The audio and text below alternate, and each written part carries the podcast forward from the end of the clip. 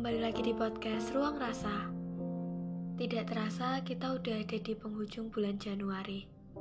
Aku yakin ada banyak hal hebat yang sudah teman-teman lalui sampai di titik ini.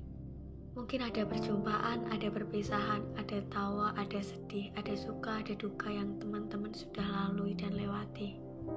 Teman-teman pun juga tahu bahwa masih banyak hal lainnya yang menanti kita di kemudian hari. Aku berharap teman-teman semua kuat dalam menghadapinya ya. Dan di episode kali ini aku pengen bahas salah satu topik yang terinspirasi dari salah satu cerita pendengar podcast Ruang Rasa. Mungkin sebagian besar dari kita pernah terjebak dalam fase-fase kangen atau rindu sama seseorang yang pernah sama kita. Pernah melewati suka dan duka bareng, pernah melewati semua jenis manis dan pahitnya kehidupan kita. Tapi entah karena perbuatan kita atau memang semesta tidak merestui, maka ya semua tidak berjalan sesuai dengan harapan kita.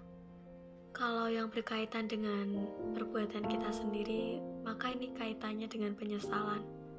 Mungkin ada titik-titik atau fase-fase di mana kita menyesal tidak mengusahakan yang terbaik mungkin juga perihal menjaga kepercayaan, menjaga perasaan, atau juga di tempo waktu yang lalu kita menyanyiakan seseorang yang sebenarnya sudah sangat baik bagi kita.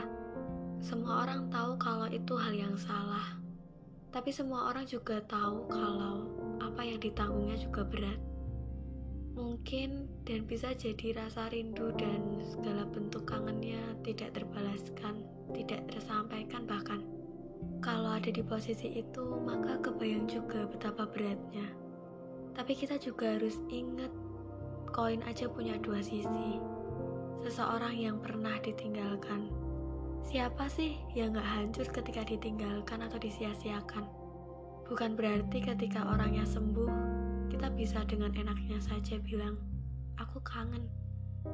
Ya, itu memang suatu konsekuensi berat yang bahkan kadang terlupakan ketika kita melakukan sesuatu hal. Jadi, buat teman-teman pendengar podcast Ruang Rasa, semoga kita bisa jadi orang yang tetap baik dan tetap menghargai dan menghormati setiap orang yang hadir di kehidupan kita supaya aneka penyesalan-penyesalan yang serupa tidak terjadi. Oke deh, kayaknya cukup sekian episode kali ini. Mohon maaf banyak kurangnya. See you next time.